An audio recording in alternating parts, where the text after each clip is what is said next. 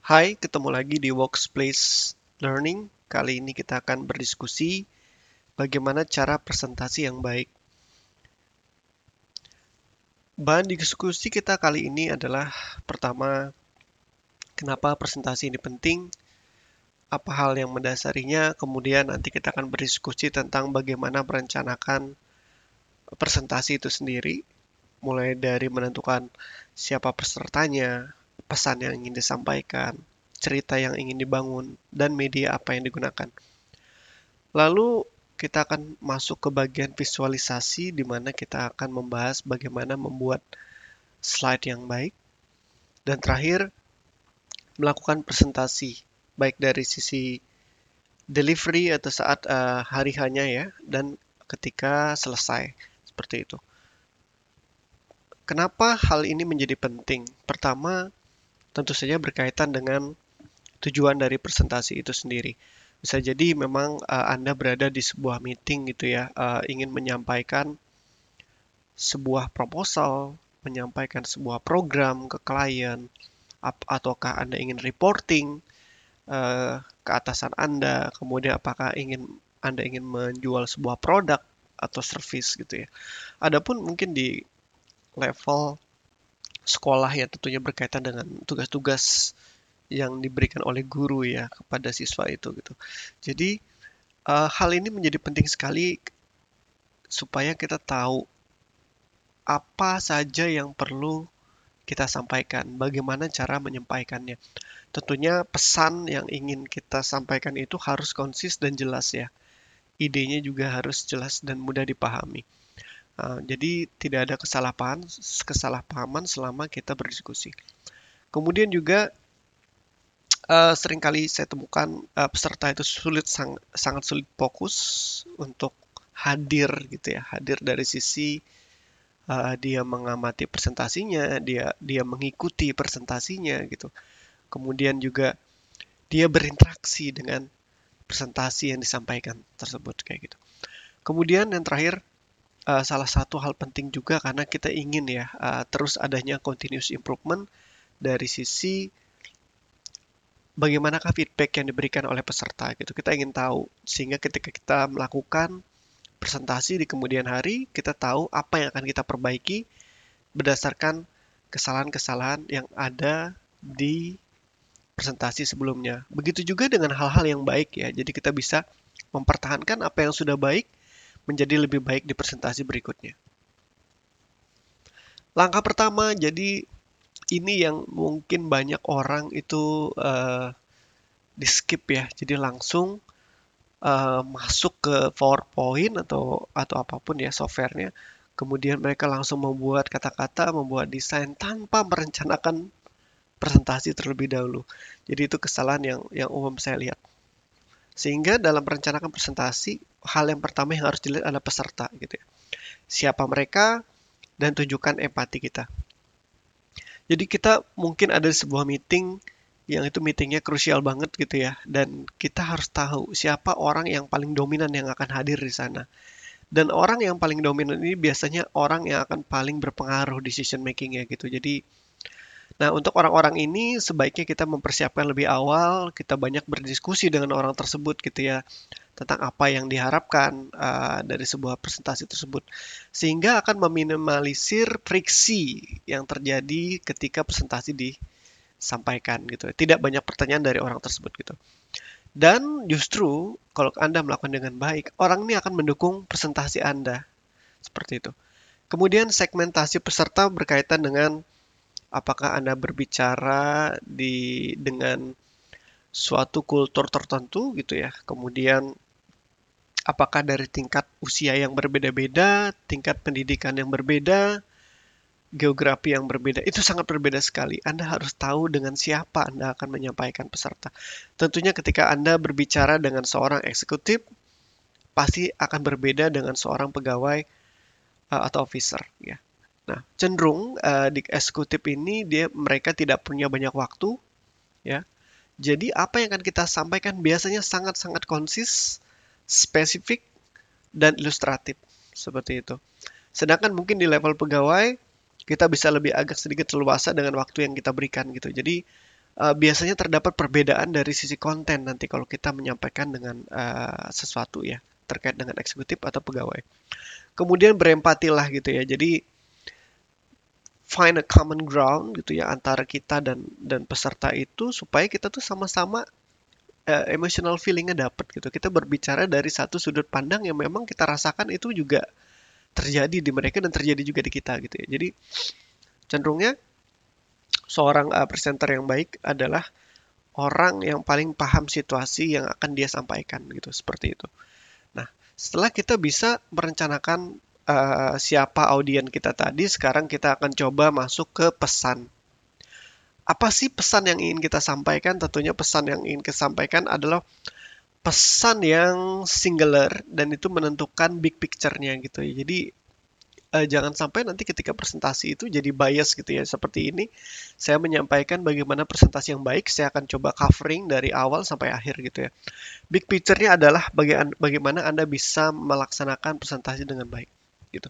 Kemudian Uh, tentu saja kita ingin tahu ya kalau misalnya presentasi yang baik itu seperti apa sih ya itu pasti ada ide pendukung gitu di ide pendukung ini, ini adalah penjabaran bagian terkecil, biasa dia hanya satu level di bawah big picture ya. Dan itu yang kita pilih untuk supporting dari big picture kita gitu. Nah, tentu saja pasti hati-hati dalam menampilkan sesuatu, pasti ada nanti resisten ya. Apakah Anda menampilkan data atau apa pun dan tolong persiapkanlah jawabannya gitu ya. Uh, tidak harus dijawab menggunakan langsung slide di setelahnya ya atau mungkin bisa Anda taruh bagian belakang setelah ucapan terima kasih itu boleh. Atau bahkan mungkin nanti dijawabnya setelah sesi berakhir.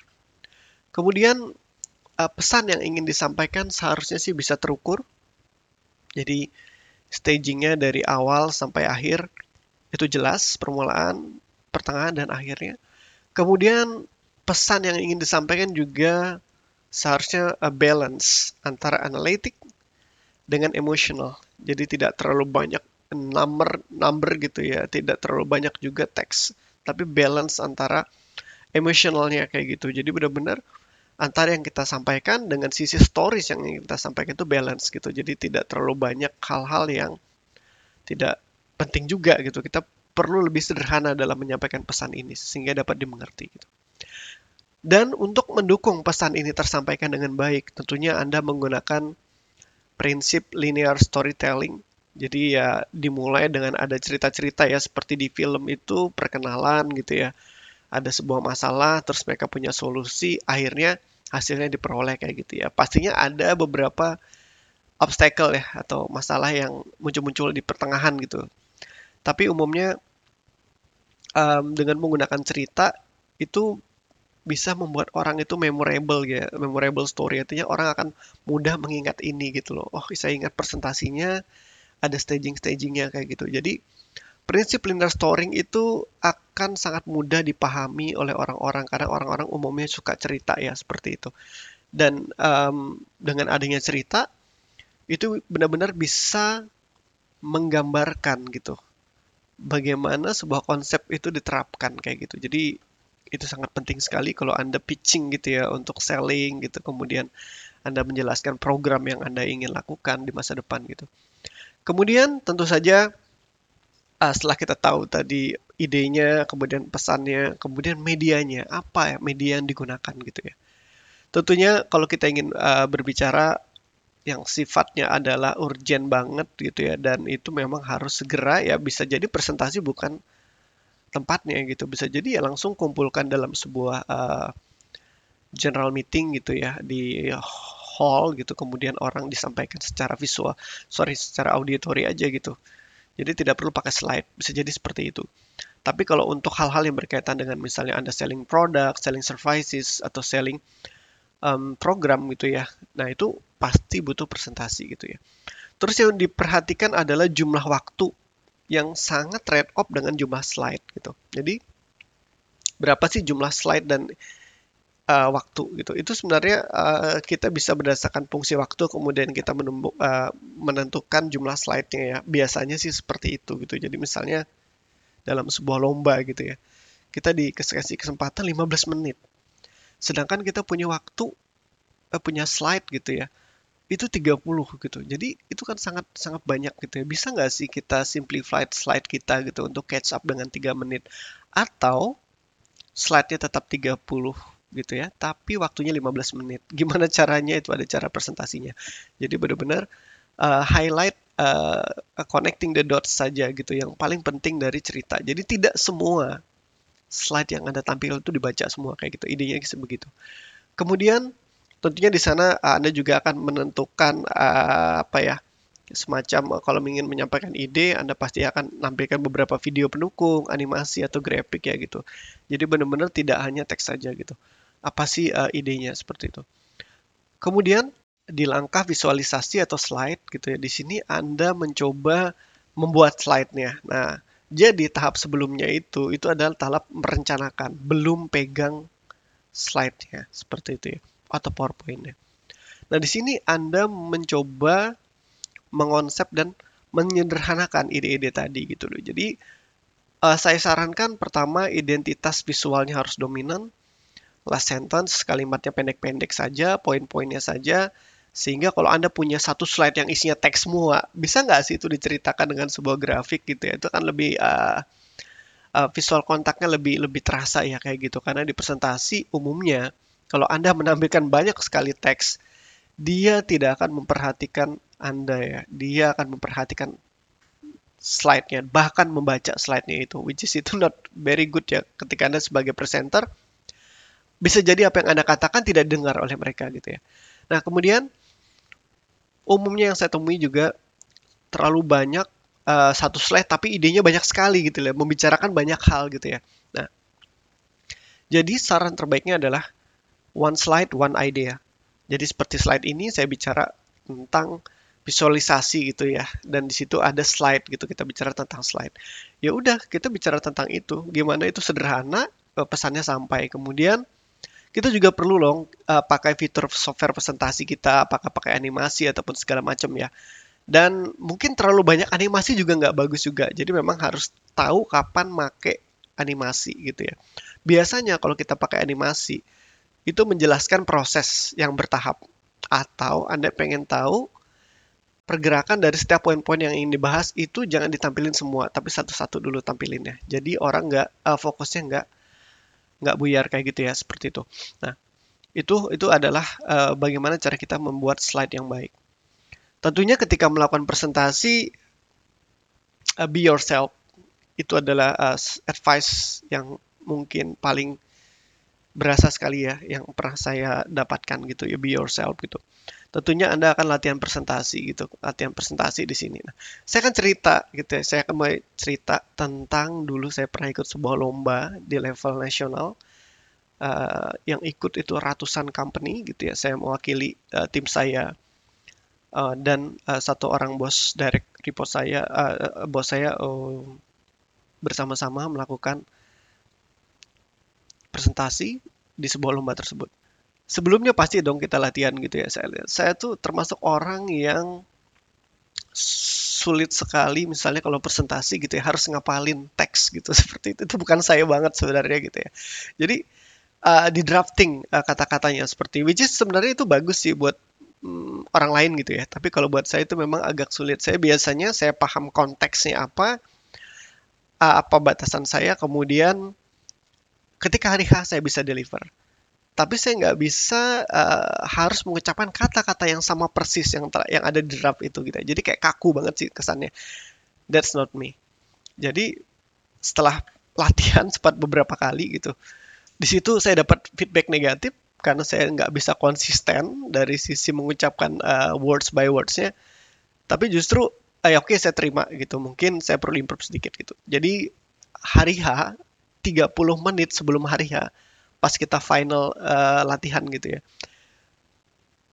Ya everybody seems not very agree with the way I present gitu ya. Jadi memang benar-benar masih saya kesulitan di situ. Saya masih menjadi orang lain gitu di situ dan sempat uh, feedback dari bos saya adalah uh, kamu nggak kayak biasanya ya. Biasa kamu nggak gini sih gitu. Oh, akhirnya saya uh, mikir tuh, itu 15 menit dan lima, menjelang 5 menit saya presentasi gitu loh. saya didapatkan oleh sebuah dua buah pilihan apakah saya menjadi orang lain atau saya menjadi diri sendiri gitu ya dengan dengan style saya. Nah, mungkin for for for your record ya biasanya memang saya sering presentasi depan BOD kemudian yang lain ya dengan cara saya gitu dan memang itu yang menjadi ciri khas saya gitu ya. Akhirnya ketika presentasi di depan dari ada sekitar uh, empat juri ya di kompetisi nasional itu saya menjadi diri saya sendiri gitu. Saya menjadi diri saya sendiri gitu. Saya menyampaikan seperti gaya saya sendiri tidak lepas dari konteks dan itu saya juga uh, kuat sekali eye contactnya dengan para juri, tone yang saya lakukan, gestur yang saya tunjukkan gitu ya. Dan itu menurut saya pribadi itu sangat sangat uh, lancar ya saat itu gitu. Dan uh, tentunya sebelum memulai itu kita juga memeriksa ya hal-hal yang berkaitan dengan uh, seberapa luas ruangannya, apakah kita perlu pakai mic atau tidak gitu ya, dan lain-lain gitu ya. Apakah ada teknologi glitch ketika kita coba presentasi gitu ya. Dan ini uh, itu benar-benar ketika kita jadi diri sendiri itu kita confident. Nah, ketika kita confident, kita akan mendeliver pesan dengan baik gitu. Ketika kita mendeliver pesan dengan baik, orang akan buy in seperti itu. Nah, begitu juga dengan um, sesi Q&A itu juga kami kerja sama tim untuk menjawabnya gitu ya. Dan uh, di presentasi ini kami juga melakukan sharing the stage gitu. Jadi kalau Anda sering melihat presentasi Apple, dia tidak presentasi sendiri, pasti banyak orang yang akan dia panggil bersilih uh, berganti kan. Itu sharing the stage artinya. Jadi uh, di presentasi ini ada dua, bos saya dan saya yang sharing the stage seperti itu. Dan setelah sesi awarding itu udah lewat, saya berpikir dalam hati, oke, okay, I did my best untuk bisa present dengan uh, gaya saya sendiri, gitu ya. Kemudian saya rasa uh, oke, okay, tidak semua orang akan puas dengan hal itu, saya bisa terima, gitu ya. Cuman setelah um, awarding gitu ya. Itu tuh udah dak dikduk banget tuh ketika disebutin juara tiganya siapa, duanya siapa. Uh, yakin gak sih juara gitu ya? Dan ketika disebutkan bahwasanya juaranya juaranya adalah timnya kami gitu. Itu tuh benar-benar puas banget sih gitu. Bahwasanya saya menjadi bagian kecil dari dari kesuksesan itu gitu. Saya tidak bilang presentasi adalah saya adalah yang yang yang game game changernya di situ, tapi kerjasama timnya juga sangat baik dan dan kontribusi dari presentasi kita juga nggak bisa dong dikatakan uh, kecil ya gitu ya walaupun sebenarnya itu adalah kerjasama tim. Jadi benar-benar kolaborasi antara saya dan bos saya dan teman-teman ketika presentasi itu benar-benar itu sesuatu yang valuable di mata juri kayak gitu. Dan itu insightnya sampai sekarang ya. Sampai sekarang saya selalu pakai gitu be yourself. Karena karakter yang akan uh, terlihat di sana gitu. Dan uh, ketika presentasi berakhir, pastikan Anda mereview dan tracking hasilnya ya. Biasanya saya kalau presentasi itu di akhir materi, saya akan kasih survei ya bisa menggunakan um, media online atau media kertas biasa yang kontennya biasanya apa sih isi materinya gitu ya. Kemudian bagaimana materinya, apakah Anda bisa mudah memahami, apakah ada kata-kata yang sulit gitu ya. Kemudian dari sisi tentunya pemateri juga direview dan perlengkapan juga direview ya kayak gitu. Jadi uh, benar-benar komprehensif gitu penilaiannya. Jadi ini jadi bahan kita improve untuk next presentation. Kalau Anda misalnya jadi seorang pemateri untuk ngajar training ataupun uh, yang lainnya ya.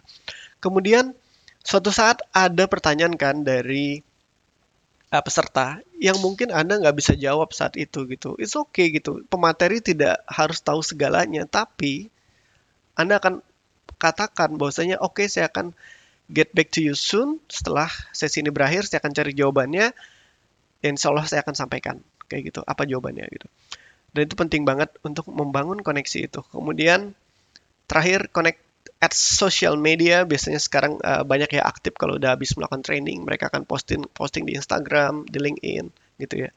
Uh, bosnya training yang baik gitu atau presentasi yang baik sekali gitu. Connect at social media and engage uh, bagaimana mereka merespon dengan apa yang Anda sampaikan. Which is itu itu bagus banget ya untuk apa yang akan kita lakukan selanjutnya. Kesimpulannya adalah presentasi memang tidak menjadi satu-satunya media untuk menyampaikan ide dan gagasan, tapi ketika dalam kita berbicara tentang konsep dari presentasi yang baik, mulailah dari perencanakannya dulu gitu ya Ini yang paling penting yang sering kita lewatkan. Jadi kita langsung buru-buru ke softwarenya, kita ngedit gitu. Enggak kayak gitu. Tapi Anda harus duduk bareng dengan tim, merencanakan idenya, apa saja stagingnya gitu ya. Gimana nanti slide-slide-nya di, di konsep kayak gitu ya. Satu ide, satu slide, dan lain sebagainya.